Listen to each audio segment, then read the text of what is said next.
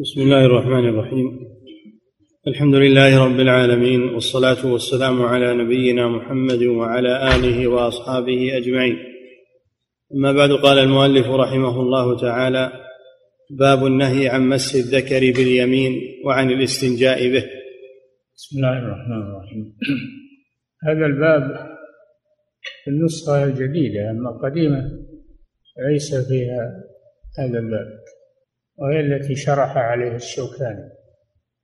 فمن معه النسخة القديمة؟ أحد معه النسخة القديمة التي عليها تعريف الشيخ حامد الفقي؟ نعم.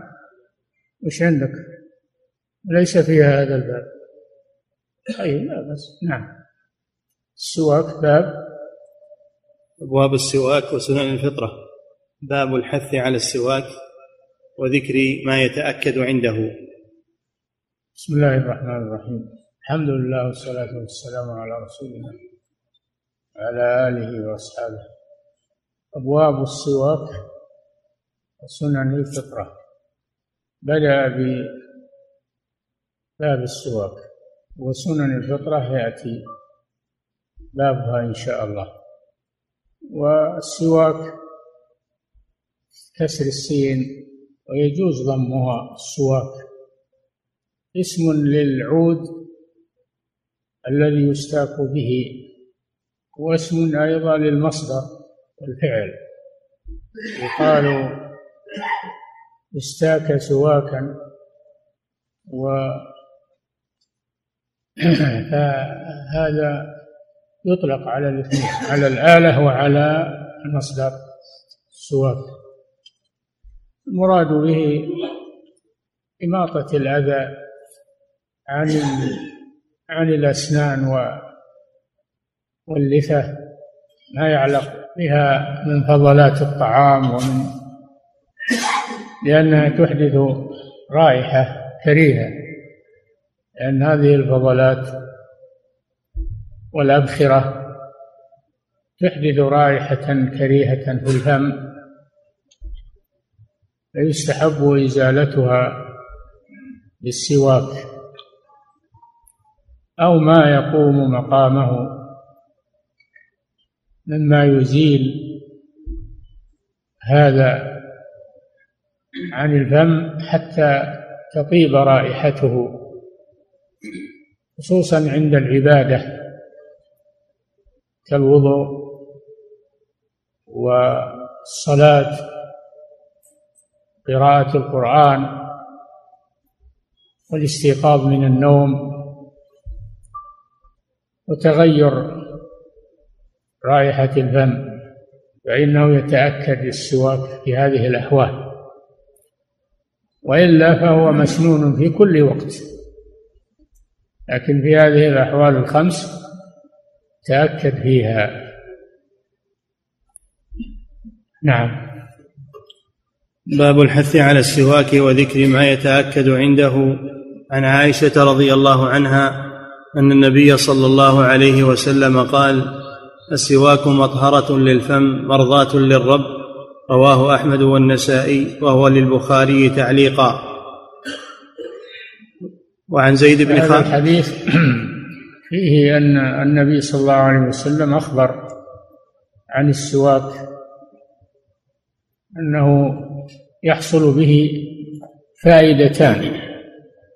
فائدة الأولى أنه مطهرة للفم مما يترسب فيه من المخلفات والأبخرة السواك يطهره من ذلك.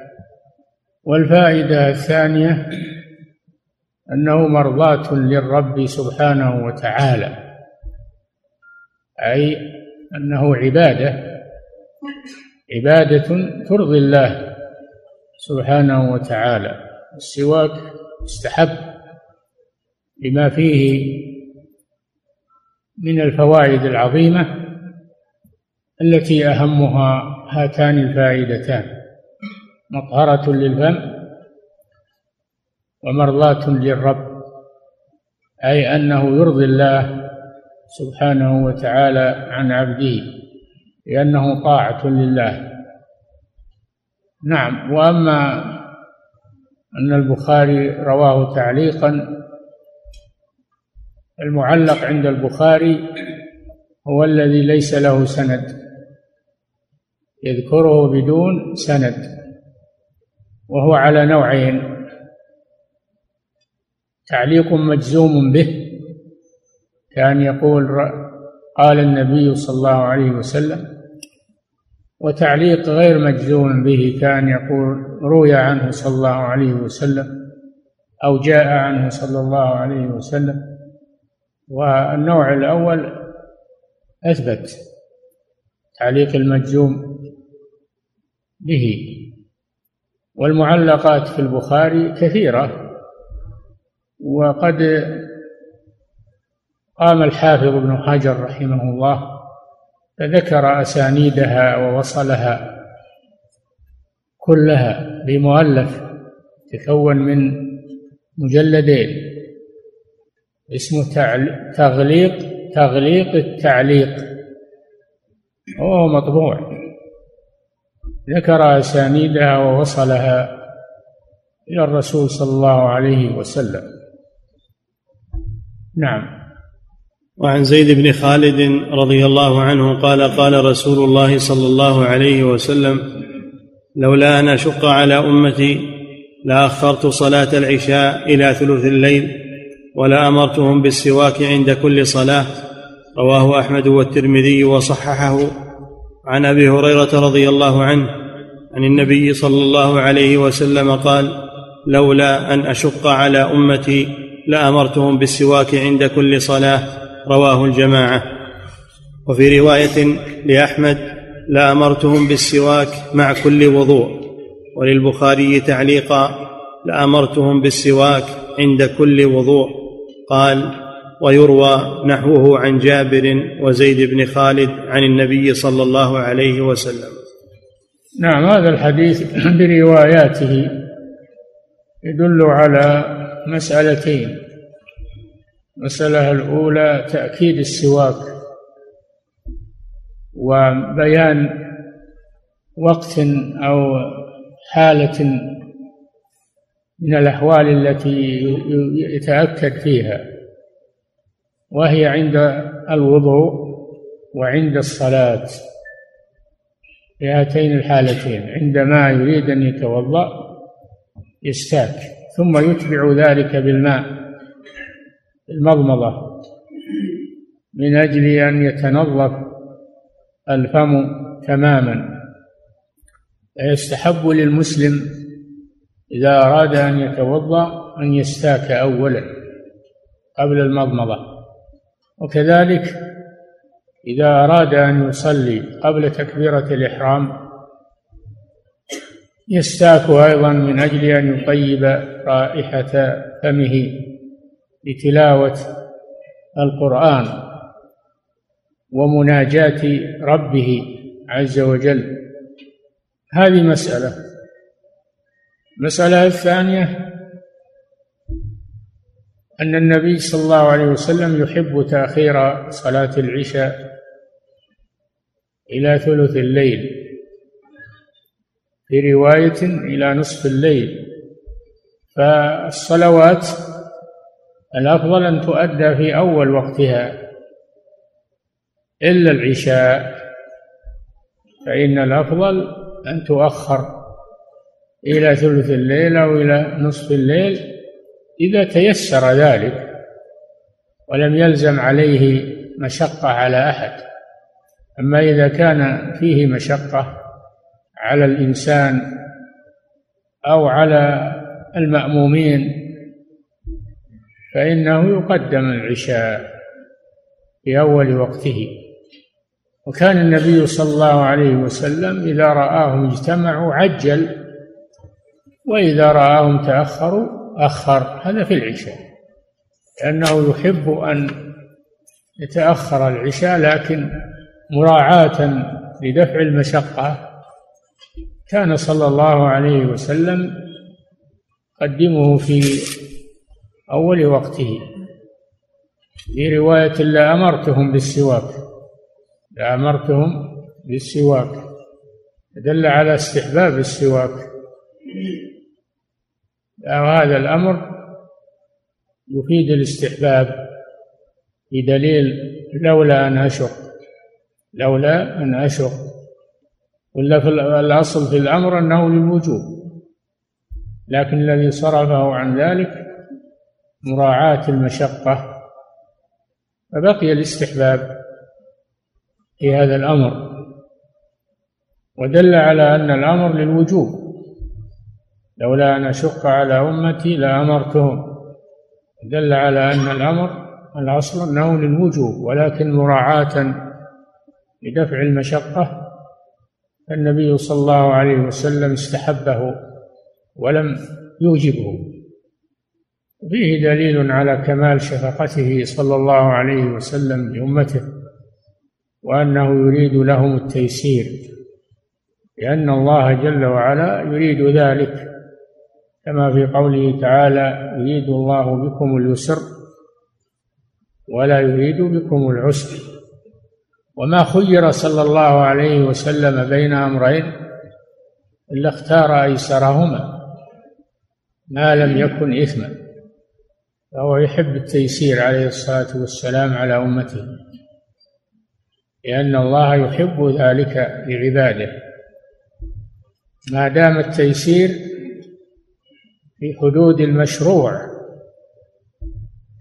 أما التيسير الذي يريدونه الآن الصحفيون وأشباههم يريدون التيسير التخلص من الأحكام الشرعية. يقولون الدين يسر يتخلصون من الأحكام الشرعية ويقولون الدين ما هو هذا دين؟ هذا خارج عن الدين. الدين يسر في أحكامه التي شرعها الله. أما أننا نتركها ونقول الدين يسر هذا من القول على الله بغير علم كذب على الله سبحانه وتعالى. نعم. وعن المقدام بن شريح عن أبيه. قال قلت لعائشة رضي الله عنها نعم. وعن المقدام بن شريح عن أبيه قال قلت لعائشة رضي الله عنها بأي شيء كان يبدأ النبي صلى الله عليه وسلم إذا دخل بيته؟ قالت بالسواك. رواه الجماعة إلا البخاري والترمذي. نعم وهذا يدل على موضع من مواضع استحباب السواك. وهو عند دخول البيت.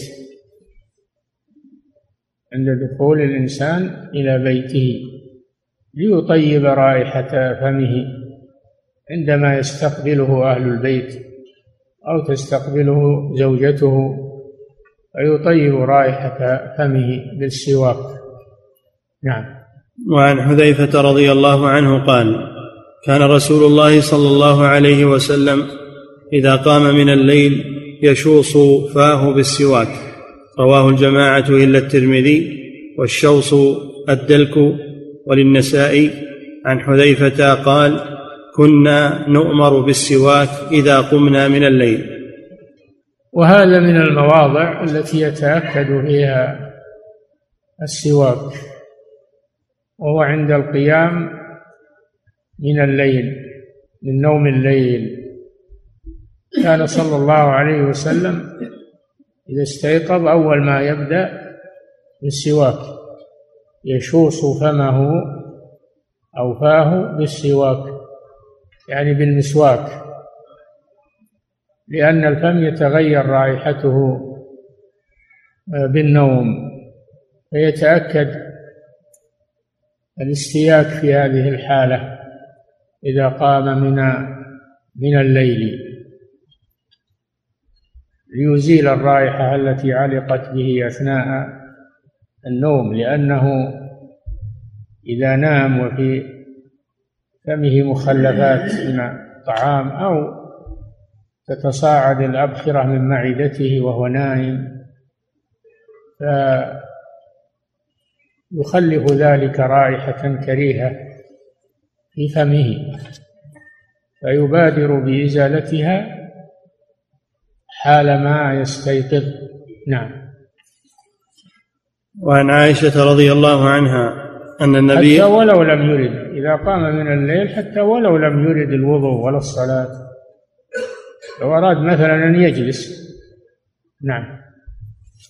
وعن عائشة رضي الله عنها أن النبي صلى الله عليه وسلم كان لا يرقد ليلا ولا نهارا فيستيقظ إلا تسوك. رواه أحمد وأبو داود. هذا يدل على ما دل عليه الحديث الأول لكن يدل على زيادة وهو أن النوم سواء كان بالليل أو بالنهار يستحب للمسلم عند الاستيقاظ منه أن يستاك ليلا أو نهارا. نعم. باب تسوك المتوضئ بأصبعه عند المضمضة. والسواك مطهرة للفم كما في الحديث فدل على أنه مطلوب تطيب رائحة الفم وأن لا يهمله الإنسان. فإن بعض الناس لا يبالي بذلك يكون عنده في فمه رائحة كريهة ومترسبة ويأتي إلى المسجد ويجالس الناس ويؤذيهم برائحة فمه. فينبغي للمسلم أن يراعي ذلك ويحرص على قطع هذه الرائحة من فمه عندما يتحدث عندما يأتي إلى المسجد يقطع هذه الرائحة تعهد نفسه لا يهمل نفسه. وبعضهم بعض الجهال يسخر من الذين يستاكون ويقول هؤلاء مطاوعة هؤلاء يصفهم بأشياء تنفر مع أن هذا سنة لكل مسلم المطاوعة وغيره لكن بعض الناس يقول هذا لم تشدد هذا مطاوعة ولا همهم إلا السواك وما أشبه ذلك. نعم. يطول مسواكك يقول. أول مسواكك سخرية والعياذ بالله. نعم. باب تسوك المتوضئ بأصبعه عند المضمضة. نعم من أنواع السواك يكون بالأصبع. عند المضمضة يدخل أصبعه مع الماء ويغسل أسنانه حال المضمضة. يغسل أسنانه ويدلكها بأصبعه مبالغة في التنظيف لأن الماء وحده لا يكفي في إزالة الرائحة. لابد معه من من الدلك دلك الأسنان بالأصبع. نعم. عن علي بن أبي طالب رضي الله عنه أنه دعا بكهوز من ماء فغسل وجهه وكفيه ثلاثا وتمضمض ثلاثا وتمضمض ثلاثا فأدخل بعض أصابعه في فيه واستنشق ثلاثا وغسل ذراعيه ثلاثا ومسح رأسه واحدة وذكر باقي الحديث وقال هكذا كان وضوء النب... هكذا كان وضوء نبي الله صلى الله عليه وسلم رواه أحمد. الصحابة رضي الله عنهم كانوا يروون سنة الرسول صلى الله عليه وسلم سواء كانت قولية أو فعلية أو تقريرية ينقلونها بأمانة للناس لمن يأتي بعدهم. من جملة ذلك أنهم كانوا ينقلون صفة وضوء الرسول صلى الله عليه وسلم وكيف كان؟ يتوضأ لأجل أن نقتدي به صلى الله عليه وسلم. لأنه قدوتنا. كما قال جل وعلا لقد كان لكم في رسول الله أسوة حسنة لمن كان يرجو الله واليوم الآخر. كانوا يتوضعون عند الناس ليعلموهم كيفية وضوء الرسول صلى الله عليه وسلم. وهذا من التعليم بالفعل. التعليم بالفعل أبلغ من التعليم بالقول. وهذا الحديث يدل على صفة وضوء الرسول صلى الله عليه وسلم. ولكن سيأتي إن شاء الله في باب الوضوء مزيد بيان لهذا. ولكن المقصود منه الآن آه، مسح الفم بال أو الأسنان بالأصبع مع المضمضة. هذا هو المقصود منه الآن فيما يخص هذا الباب. أن الرسول صلى الله عليه وسلم كان يفعل ذلك ويدخل إصبعه ويمسح به أسنانه مع المضمضة. نعم. باب السواك للصائم. الأحاديث التي مرت فيها عموم للصائم وغيره. فيها عموم للصائم وغيره. لكن ورد في الصائم أحاديث خاصة. لأن بعض العلماء يرى أن الصائم لا يستاك بعد الزوال. يقول لأنه يزيل رائحة الصيام من الفم.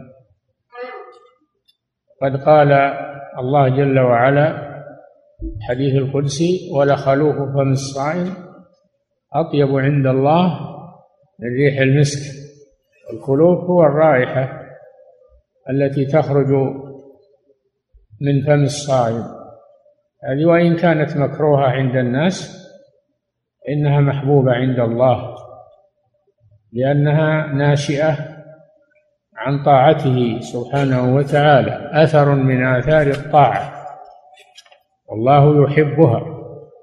قالوا والسواك يزيل هذه الرائحة بعد الزوال لأن بعد الزوال تفرغ المعدة من الطعام ويتصاعد منها أبخرة وتكون في الفم.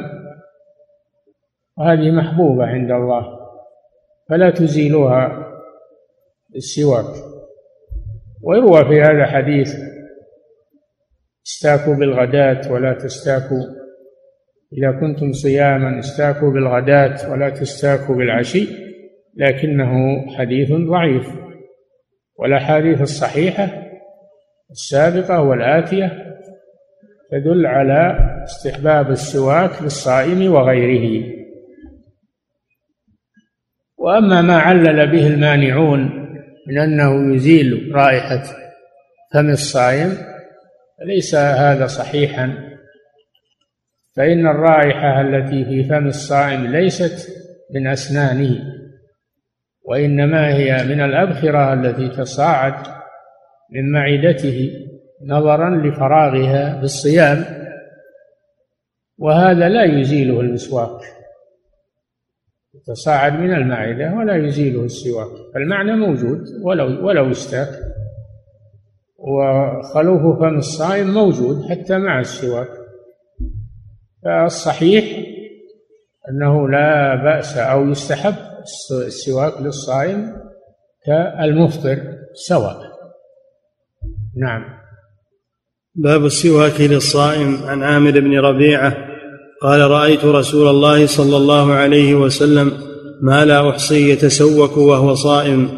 رواه أحمد وأبو داود الترمذي وقال حديث حسن. رأيت رسول الله صلى الله عليه وسلم ما لا أحصي. يعني مرات كثيرة يستاك وهو صائم. فهذا دليل على استحباب السواك للصائم كالمفطر. لا فرق بينهما. نعم. وعن عائشة رضي الله عنها قالت قال رسول الله صلى الله عليه وسلم من خير خصال الصائم السواك. رواه ابن ماجه قال البخاري. وقال ابن عمر يستاك أول النهار وآخره. نعم استاكوا أول النهار وآخره. هذا في رد على من يقول يستاك في أول النهار ولا يستاك. في الآخر وهو كما سبق يدل على مشروعية السواك للصائم ولا يضر هذا برائحة برائحة الصيام التي يحبها الله سبحانه وتعالى. نعم. وعن أبي هريرة رضي الله عنه عن النبي صلى الله عليه وسلم قال لخلوف فم الصائم أطيب عند الله من ريح المسك متفق عليه. وبه احتج من كره السواك للصائم بعد الزوال. خلوف فم الصائم أطيب عند الله من ريح المسك لأنه أثر وإن كان مستكرها عند الناس إلا أنه محبوب لله جل وعلا لأنه ناشئ عن طاعته. أثر طاعة وعبادة.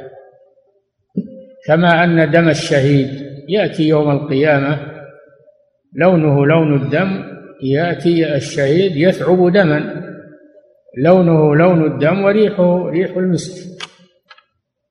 وكذلك غبار المجاهد في سبيل الله ذريرة أهل الجنة طيب أهل الجنة من غبار المجاهدين لأنها آثار تنشأ عن طاعة الله. الله يحبها وإن كان الناس يكرهونها. وبه احتج من يرى كما سمعتم كراهية السواك للصائم بعد الزوال. ولا حجة في ذلك لأن خلوف فم الصائم أو خلوف بالضم. ويجوز الفتح خلوف لكن الضم أشهر. لا تزول خلوف فم الصائم لا يزول بالسواك لأنه ليس منشأه من الفم وإنما منشأ الخلوف من المعدة. نعم. باب سنن الفطرة. سنن الفطرة هذا القسم الثاني من الترجمة السابقة أبواب السواك وسنن الفطرة. والفطرة هي دين الإسلام. فأقم وجهك للدين حنيفا فطرة الله التي فطر الناس عليها. لا تبديل لخلق الله. ذلك الدين القيم. ولكن أكثر الناس لا يعلمون. فالفطرة هي دين الإسلام التي فطر الله الناس عليها. قال صلى الله عليه وسلم كل مولود يولد على الفطرة أي على الدين فأبواه يهودانه أو يمجسانه أو ينصرانه التربية السيئة هي التي تحرف وتفسد الفطرة. أما التربية الحسنة فإنها تبقي وتنمي الفطرة. التي فطر الله الناس عليها. فالفطرة تغيرها شياطين الإنس والجن. كما جاء في الحديث خلقت عبادي حنفاء فاجتهلتهم الشياطين عن فطرتهم. قرناء السوء والتربية السيئة آه، هذه الأمور هي التي تغير الفطرة. التي فطر الله الناس عليها. وخصال الفطرة أو سنن الفطرة هي الأمور المستحبة التي جاءت بها الفطرة والدين. وقيل الفطرة الخلقة خلقة الإنسان. الله جل وعلا خلق هذا الإنسان في أحسن تقويم في أحسن تقويم في أحسن صورة. بأي صورة ما شاء ركبك. فهذا الإنسان خلقه الله سويا. جميل الصورة. وينبغي أن يحافظ على هذا الجمال وهذه الخلقة الطيبة بإزالة ما يؤثر عليها مما يأتي بيانه. نعم. باب سنن الفطرة. عن أبي هريرة رضي الله عنه قال قال رسول الله صلى الله عليه وسلم خمس من الفطرة الاستحداد والختان وقص الشارب ونتف الإبط وتقليم الأظافر. رواه الجماعة. هذه خمس من سنن الفطرة. آه، خمس خمس خصال. من سنن الفطرة التي تجمل الإنسان. الأولى آه، الختان. الختان وهو إزالة القلفة التي على ذكر المولود. حينما يولد تكون حشفته مستورة بالقلفة فيستحب أو يجب يجب الختان واجب لكن يستحب المبادرة به وإلا هو واجب لا بد منه. لكن يستحب المبادرة به في يوم سابع للمولود بقطع هذه القلفة إبراز الحشفة لأن هذه القلفة لو بقيت ترسب فيها الأوساخ والنجاسات وهي مشوهة أيضا. للإنسان فيبادر بإزالتها وهو واجب في حق الذكر ومستحب في حق الأنثى. وختان الذكر عرفناه بقطع القلفة ختان الأنثى بالخفاض لأن فرج الأنثى فيه لحمة. تشبه عرف الديك في في الفرج. فهذه تخفض ما تترك على حالها. تخفض بأن يقطع منها شيء ولا تستأصل ما تستأصل وإنما يؤخذ بعضه. لأنها لو لو بقيت اشتدت شهوة المرأة. تشتد شهوة المرأة مع بقاء هذه اللحمة فتخفض من أجل أن تخف شهوتها فلا يكون عندها نهم بالجماع يحملها على الفساد. هذا من السنة. ختان الأنثى سنة. وقد أنكره الجهال الآن وهو ثابت في السنة عن النبي صلى الله عليه وسلم. قال إذا التقى الختانان هذا حديث صحيح. الختانان ختان الذكر وختان الأنثى. دل على أن الأنثى لها ختان. ختن الإناث سنة ولا ينكره إلا جاهل. في حين أن بعض الدول أو بعض يسرفون في ختان الأنثى يسمونها الختان الفرعوني وهذا خارج عن الملة وخارج عن الدين. فلا إسراف ولا إهمال الوسط هو الخير. العمل بما وردت به السنة في ذلك. هذا الختان نعم. والاستحداد؟ الاستحداد هو حلق العانة بالحديدة.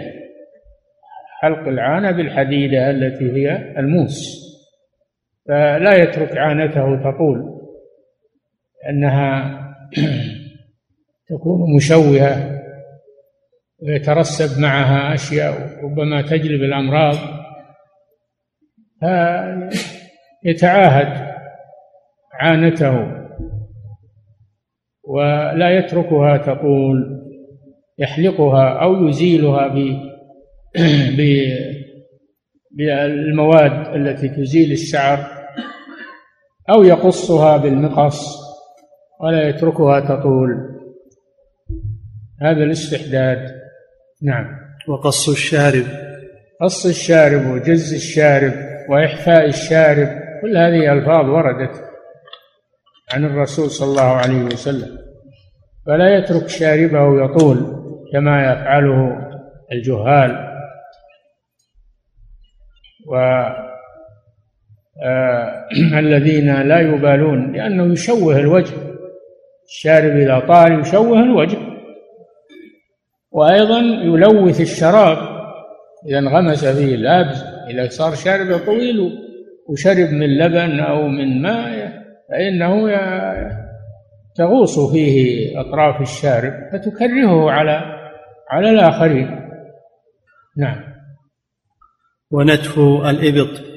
نتف كذلك إزالة شعر الآباط بالنتف إن سهل وإلا بالحلق وإلا بالقص لأنه إذا تركه يطول فإنه يتكون منه رائحة وعرق يتلبد عليه العرق والوسخ فيكون له رائحة كريهة. نعم. وتقليم الأظافر. ويكون منه السنان يكون في بعض الناس إذا أزاله زالت هذه الرائحة الكريهة. نعم. وتقليم الأظافر. تقليم الأظافر. لا يترك أظافره تطول كأظفار الحيوانات والسباع بل يبادر بقصها. نعم. وعن أنس بن مالك. وهذه هذه سنن عظيمة وتجميل للإنسان وفيها فوائد صحية فوائد شرعية فلا الإنسان يهملها أو يقلد الآخرين في تركها وتطويلها لا يقلدهم بل يعمل بالسنة الواردة عن الرسول صلى الله عليه وسلم. نعم. وعن أنس بن مالك رضي الله عنه قال وقت لنا في قص الشارب وتقليم الأظافر ونتف الإبط وحلق العانة الا نترك أكثر من أربعين ليلة. رواه مسلم وابن ماجه ورواه أحمد والترمذي والنسائي وأبو داود وقالوا وقت لنا رسول الله صلى الله عليه وسلم. وقت لنا البناء للمجهول والمراد بذلك أن الرسول وقت لهم ذلك. لأن الصحابي إذا قال أمرنا بكذا نهينا عن كذا فهو يريد أن الرسول صلى الله عليه وسلم هو الذي أمر ونهى. لا أحد يأمر وينهى غير الرسول صلى الله عليه وسلم. المبلغ عن الله هذا من صيغ الرفع إلى الرسول صلى الله عليه وسلم. وجاءت الرواية الثانية وضحت هذا. أمرنا رسول الله صلى الله عليه وسلم كما سبق تعاهد هذه الأمور الخمسة بالقص والإزالة ليس له حد محدد لكن الضابط في هذا أنه لا يتركها تطول في كل أسبوع في كل شهر حسب ما يتيسر له. ولكن النهاية لا تزيد على أربعين يوما.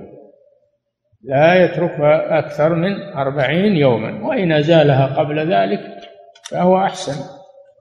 لكن إذا تركها تزيد على أربعين يوم يكون هذا خلاف السنة الواردة عن الرسول صلى الله عليه وسلم. نعم. وعن زكريا ابن أبي زائدة عن مصعب بن شيبة عن طلق بن حبيب عن ابن الزبير عن عائشة رضي الله عنها قالت قال رسول الله صلى الله عليه وسلم عشر من الفطرة. عشر من الأول التي سبقت خمس هذه عشر زادت كلها من الفطرة ومن دين الأنبياء عليهم الصلاة والسلام. الفطرة يعني من دين الأنبياء دين الإسلام الذي هو دين النبيين جميعا. نعم. عشر من الفطرة. قص الشارب هذا سبق نعم. وإعفاء اللحية. قص الشارب هذا سبق. إعفاء اللحية إعفاء اللحية تركها تطول تنمو ولا يتعرض لها لا بقص ولا بنتف ولا بحلق لأنها جمال للرجل فارقة بينه وبين المرأة. قص الشارب وإعفاء اللحية. هذا هو السنة. الآن جاء ناس عكسوا السنة فصاروا يحلقون اللحية أو يجزونها ويعفون الشوارب ويطيلونها لأن الشيطان يأمرهم بذلك يأمرهم بمخالفة السنة النبوية والعياذ بالله. فيطيعون الشيطان ويقلدون الكفار. في هذا وهم من المسلمين مع الأسف. فيتركون سنة نبيهم صلى الله عليه وسلم التي فيها جمالهم وكمالهم وزينتهم ومظهرهم الطيب إلى المظهر السيء. لا لشيء إلا لأن الشيطان يأمرهم بذلك. وأيضا الكفار يعملون هذا وهم يقلدونهم. نعم. قص الشارب وإعفاء اللحية والسواك. والسواك هذا سبق. نعم. واستنشاق الماء. استنشاق الماء في الأنف عند الوضوء. استنشاق الماء في الأنف عند الوضوء. لأنه يطهر داخل الأنف من الروائح ومن الترسبات التي تكون فيه. حتى أنه ورد أنه إذا قام من النوم من نوم الليل فإنه يستنشق بالماء. قال صلى الله عليه وسلم فإن الشيطان يبيت على خيشومه فيزيل أثر الشيطان من أنفه بالاستنشاق بالماء سواء يريد الوضوء أو لا يريد الوضوء. ليطيب داخل الأنف. نعم. وقص الأظفار. سبق هذا قص الأظفار أظفار الرجلين وأظفار اليدين. فلا يتركها تطول حتى تكون كأظفار السباع الحيوانات. وإن كان هناك من من من بني آدم من يطيلها مخالفة للفطرة مخالفة للسنة. نعم. وغسل البراجم. غسل البراجم. والبراجم هي آه، عقد الأصابع. عقد الأصابع لأنها فيها تجعد ربما يدخلها شيء من آه، من الأوساخ فيغسلها ويتعاهدها. نعم. ونتف الإبط. سبق هذا نعم. وحلق وحلق العانة. سبق هذا الاستحداد نعم. وانتقاص الماء. وقلنا ما هو ما يتعين الحلق. يعني بالموس إن هذا أحسن الحلق بالموس أحسن. لكن لو قصها أو أزالها بمواد التي تزيل الشعر لا مانع من ذلك. نعم. وانتقاص الماء يعني الاستنجاء. انتقاص الماء يعني الاستنجاء هذا سبق في باب الاستنجاء. ولا يترك أثر الخارج والنجاسة على آه، فرجه. نعم. قال زكريا قال مصعب ونسيت العاشرة إلا مصعب بن شبيب الراوي نعم. ونسيت العاشرة إلا أن تكون المضمضة. رواه أحمد ومسلم والنسائي والترمذي. يعني مع الاستنشاق لأنه ذكر الاستنشاق ولم يذكر المضمضة. يقول مصعب بن شبيب إلا أن تكون المضمضة. نعم. باب في الختان. يكفي. نكفي يقول فضيلة الشيخ وفقكم الله الاستخدام السواك باليد اليسرى يكون أفضل عند نية الاستخدام السواك باليد اليسرى يكون أفضل عند نية إزالة بقايا الطعام ونحوه. نعم السواك باليد اليسرى لأنه من إزالة الأذى. وإزالة الأذى تكون باليد اليسرى. نعم. يقول وهل يستخدم السواك باليد اليمنى عند الصلاة والوضوء؟ لا يستخدم اليد اليسرى لأنه من إزالة الأذى وهو داخل تحت القاعدة أن اليد اليسرى لما لإزالة الأذى وما يستهجن واليمنى لما يستطاب. نعم. يقول فضيلة الشيخ وفقكم الله هل إذا فعلت معصية وأردت إرضاء الله. أستاك فيرضى عني. ما ورد هذا. ما ورد أنه يستاك لأجل التوبة. نعم. يقول فضيلة الشيخ وفقكم الله هل من السنة أن يأخذ الرجل سواك رجل آخر فيستاك به؟ وهل يستدل بحديث إعطاء عائشة رضي الله عنها سواك عبد الرحمن أخيها بعدما قضمته إلى النبي صلى الله عليه وسلم. لا يستعمل الإنسان المسواك الذي استعمله غيره لأن هذا مما تكرهه النفوس. أما إن أعطاه مسواكا لم يستعمل فلا بأس. إذا كان مسواكا لم يستعمل أو قصه وأعطاه بعضه أعطاه شيئا لم يستعمل فلا بأس. وقصة عائشة هو من هذا كان مع مع أخيها مسواك لم يستعمله ولذلك قضمته للرسول صلى الله عليه وسلم. نعم. يقول فضيلة الشيخ وفقكم الله هل من السنة أن يستاك المتوضئ قبل الشروع في الوضوء؟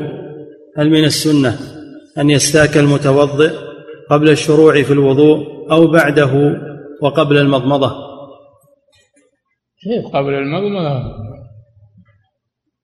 المضمضة هي أول الوضوء. فيستاك قبل المضمضة لأجل أن يتبع الماء المسواك فيكون هذا أتم التنظيف في تنظيف الفم. نعم. يقول وهل ينقطع وضوءه إن أطال الاستياك أثناء الوضوء؟ إذا نشفت أعضاؤه فات الموالاة. يبطل وضوءه أما إذا ما ما نشفت أعضاؤه فإنه لا يفوت الموالاة. نعم. يقول فضيلة الشيخ وفقكم الله هل الأصابع إذا لم يجد سواكا تقوم محل السواك ولها فضل السواك؟ كل ما يزيل رائحة الفم فهو ما يدخل في السواك. من الأصبع من العود من الخرقة من كل ما يزيل من المعجون معجون الأسنان الذي يستعمل الآن كله مما يدخل في معنى السواك في معناه ومقصوده وهو تنظيف الفم. نعم. يقول فضيلة الشيخ وفقكم الله هل من السنة استخدام السواك دائما أم أن الأفضل قصره على الأحوال الخمسة الواردة؟ عند الحاجة أو دائم يستاك دائم عند الحاجة يتأكد عند هذه الأحوال المذكورة. نعم. يقول فضيلة الشيخ وفقكم الله هل ورد حديث فيه أن من علل السواك عند قراءة القرآن أن الملائكة تضع فمها في فم القارئ للقرآن؟ نعم. من معاني السواك أن الملائكة تحضر. عند قارئ القرآن تحضر فيطيب رائحته أيضا من أجل الملائكة التي تحضره. نعم. يقول فضيلة الشيخ وفقكم الله ذكرت إحدى الكاتبات الصحفيات فقالت لا بد من انتقاد صحيح البخاري وصحيح مسلم لأنهما ليسا قرآنا يتلى فما الجواب عن مثل هذا الكلام؟ الجواب السكوت. إذا نطق السفيه فلا تجيبه فخير من إجابته السكوت. هذه لا قيمة لها حتى تجاب. نعم. يقول فضيلة الشيخ وفقكم الله في قول النبي صلى الله عليه وسلم السواك مطهرة للفم مرضاة للرب. هل فيه إثبات صفة الرضا لله عز وجل؟ بلا شك بلا شك فيه إثبات الرضا لله عز وجل. أنه يرضى بذلك. نعم. يقول فضيلة الشيخ وفقكم الله إذا يقول لماذا خص الأراك بهذا الفضل وإذا استعملت غيره؟ هل أكون اخذا بالسنة؟ نعم. تكون اخذا بالسنة في أي شيء يزيل رائحة الفم. والأراك خص بذلك لأنه لين ولأنه طيب الرائحة. نعم. يقول فضيلة الشيخ وفقكم الله السواك عند دخول المنزل سنة فهل يكون هذا عند كل منزل بحيث إذا كنت مدعوا لوليمة؟ منزلك منزلك. هذا السنة عند دخول منزلك. وأما منازل الناس إذا كان فيك رائحة كريهة نعم أزلها بالسواك أو بالمضمضة أو بأي شيء. نعم ولا تتحدث مع الناس ورائحة فمك تفوح كريهة نعم. يقول فضيلة الشيخ وفقكم الله ما حكم الاستهزاء بالسواك؟ إذا علم أنه, إنه من سنة الرسول واستهزأ به لردة عن دين الإسلام. استهزأ بشيء من الدين سواء كان سنة أو فرضا. فهذا ردة عن الإسلام والعياذ بالله. نعم. يقول فضيلة الشيخ وفقكم الله ذكر بعضهم أن جماع غير المختون ألذ من جماع المختون ولذلك يعيد الله الناس يوم بعثهم غرلا هذا هذا من المغالطة هذا من المغالطة ورد السنة التي عليها الأنبياء. هذه مغالطة مفضوحة مكشوفة والعياذ بالله فلا يلتفت إليها. نعم.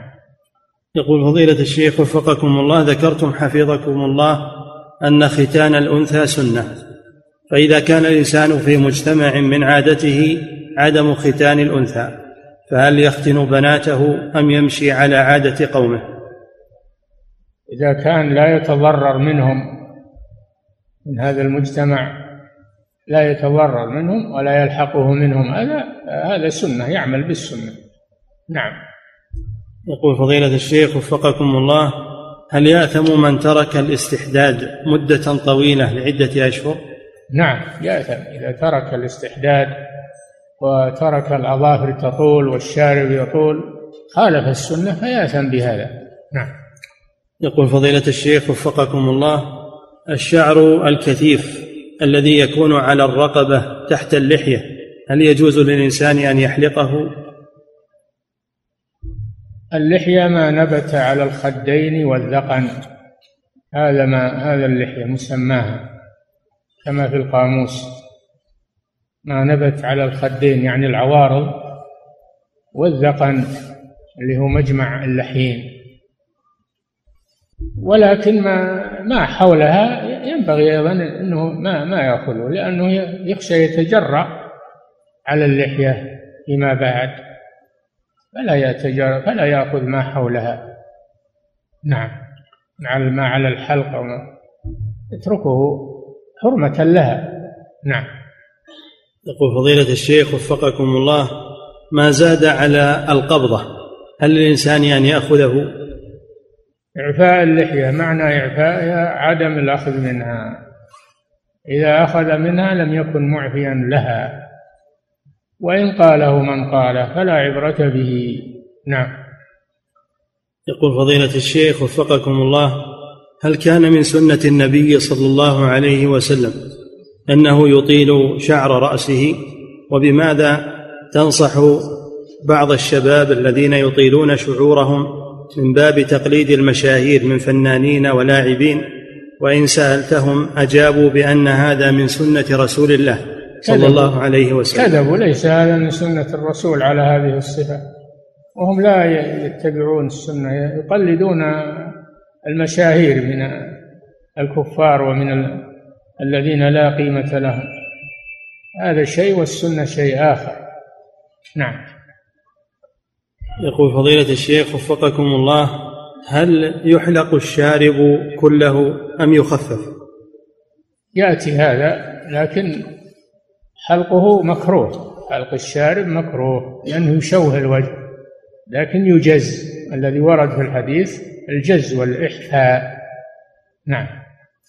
يقول فضيلة الشيخ وفقكم الله هل ورد أن الخليفة الراشد عمر رضي الله عنه كان له شارب مفتول؟ مفتول؟ نعم. من قال هذا؟ عمر أتبع لسنة الرسول صلى الله عليه وسلم. لا يمكن هذا. نعم.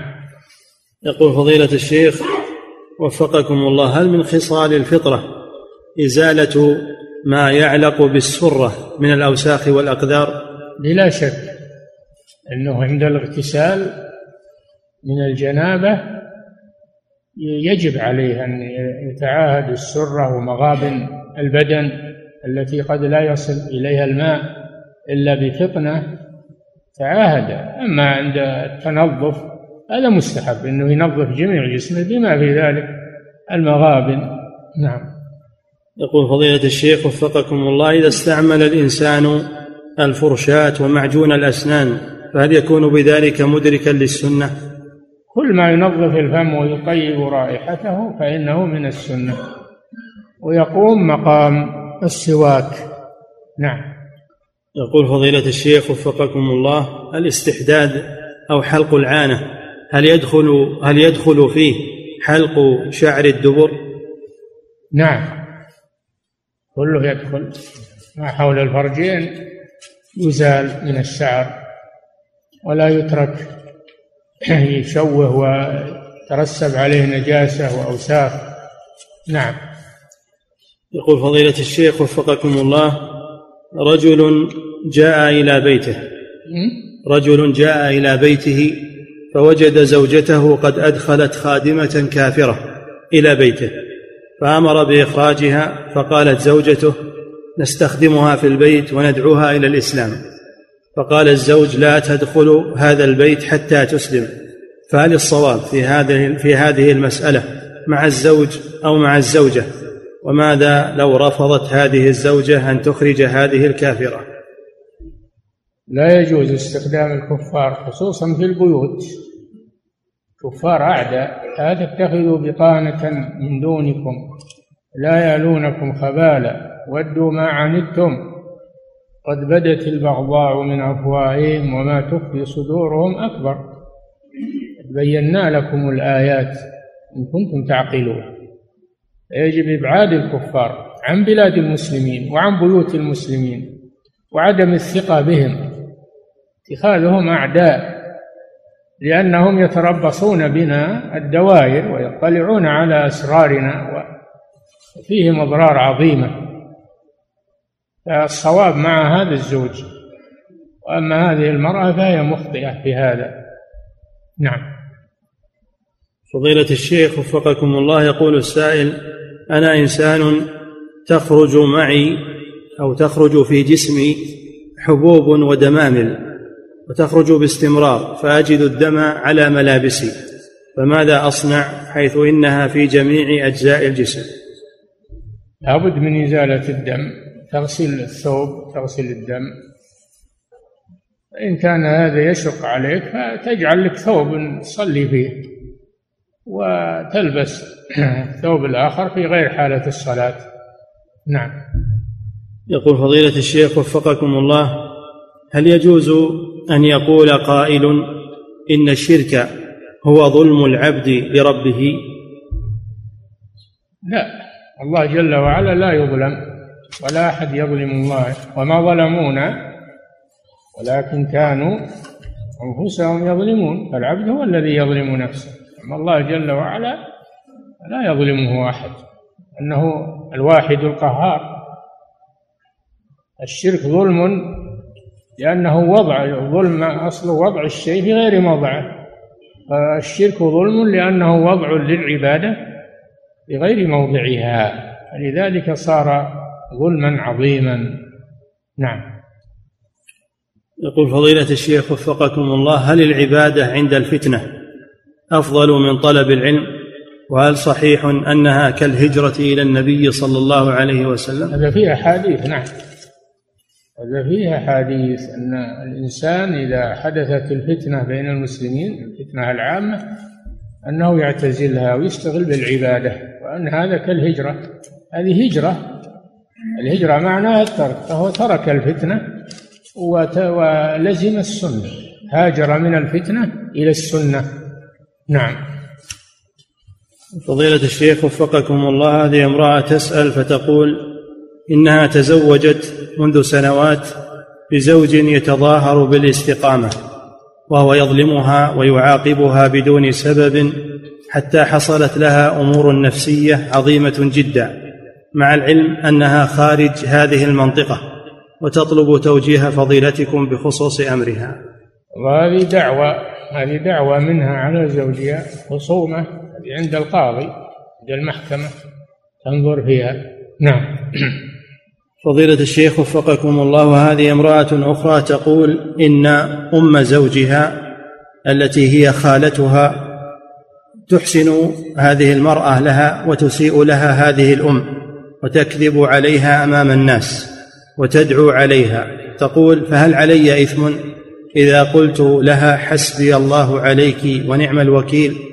مع العلم أنها تدعو علي وعلى أولادي بالأمراض والشرور فهل يقبل دعاء دعاؤها يا فضيلة الشيخ مع العلم أنني مظلومة؟ عليك بالصبر والاحتساب ومقابلته السيئة بالحسنة كما أمر الله سبحانه وتعالى لا سيما وأنها أم زوج أم زوجك فقابلي هذا بالعفو والإحسان والتسامح ويصلح الله الأمور إن شاء الله. نعم. يقول فضيلة الشيخ وفقكم الله هل الخروج عند نزول المطر يعد سنة وما الدعاء الوارد في ذلك؟ نعم. هذا من سنة الرسول صلى الله عليه وسلم أنه يخرج ويترك المطر يصيب بدنه صلى الله عليه وسلم. لأنه ماء مبارك نازل من الله سبحانه وتعالى.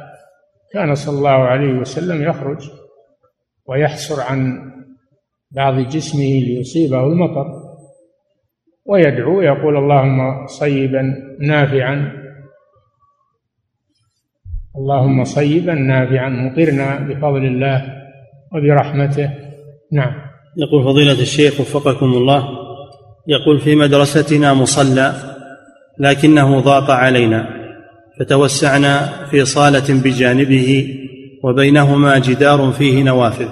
سؤاله هل يبقى الإمام في وسط الغرفة الأولى أم فيما بين الغرفتين حيث يكون بجانب الجدار الأوسط؟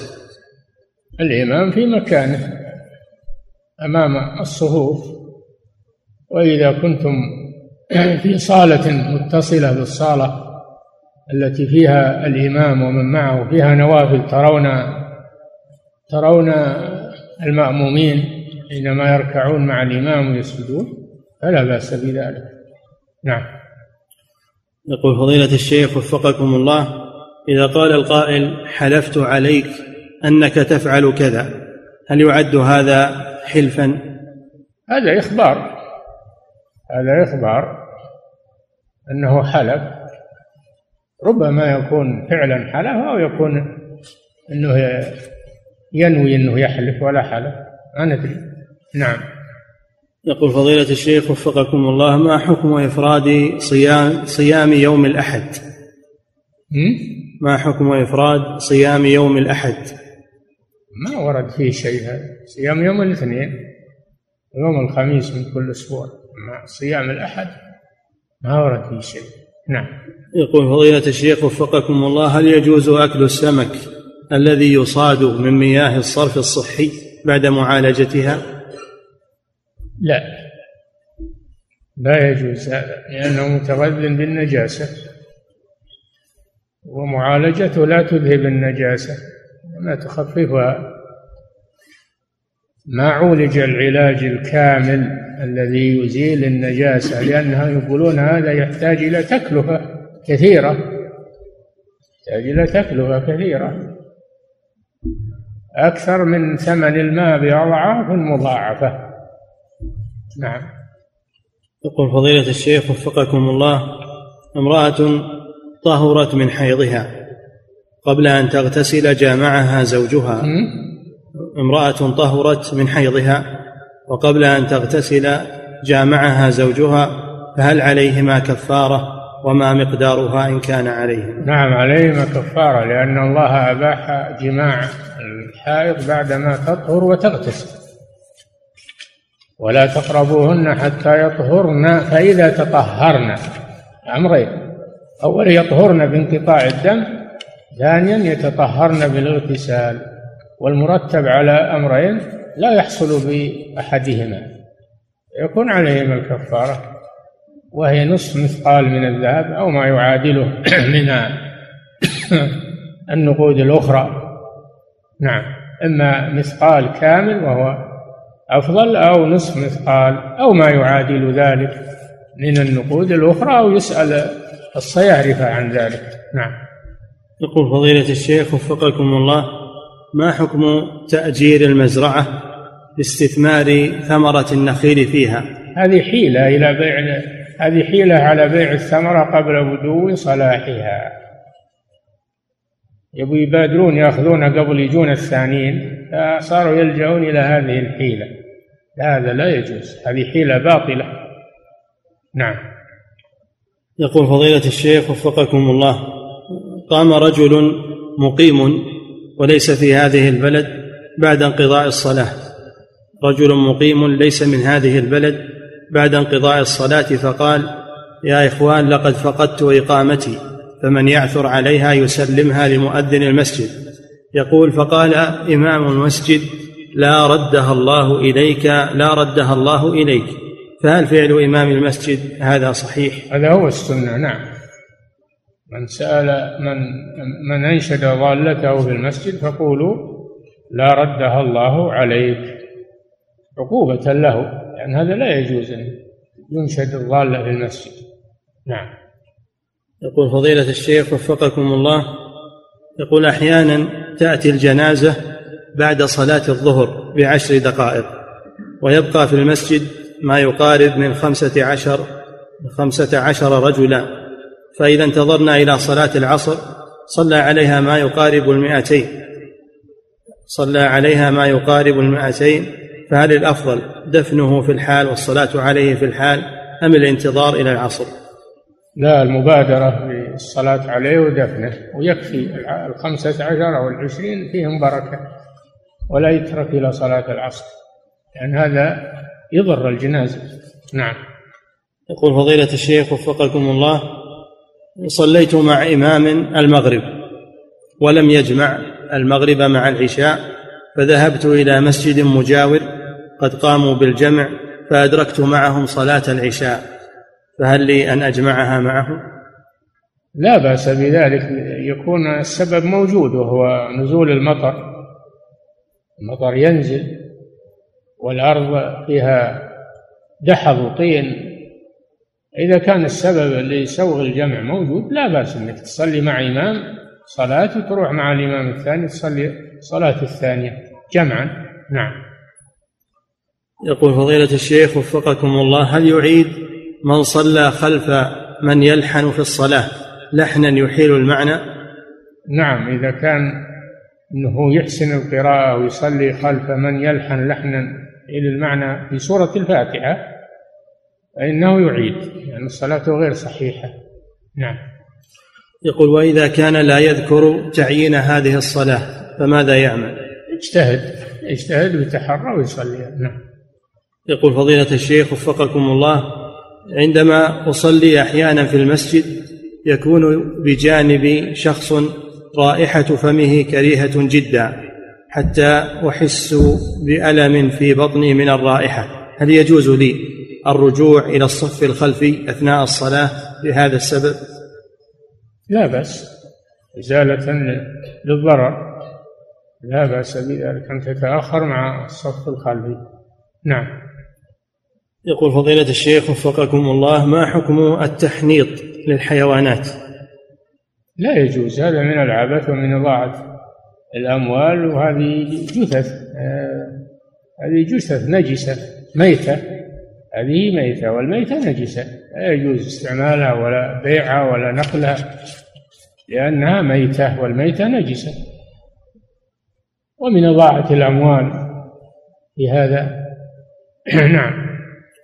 يقول فضيلة الشيخ وفقكم الله هذه المقولة وهي لا إنكار في مسائل الخلاف هل هي صحيحة؟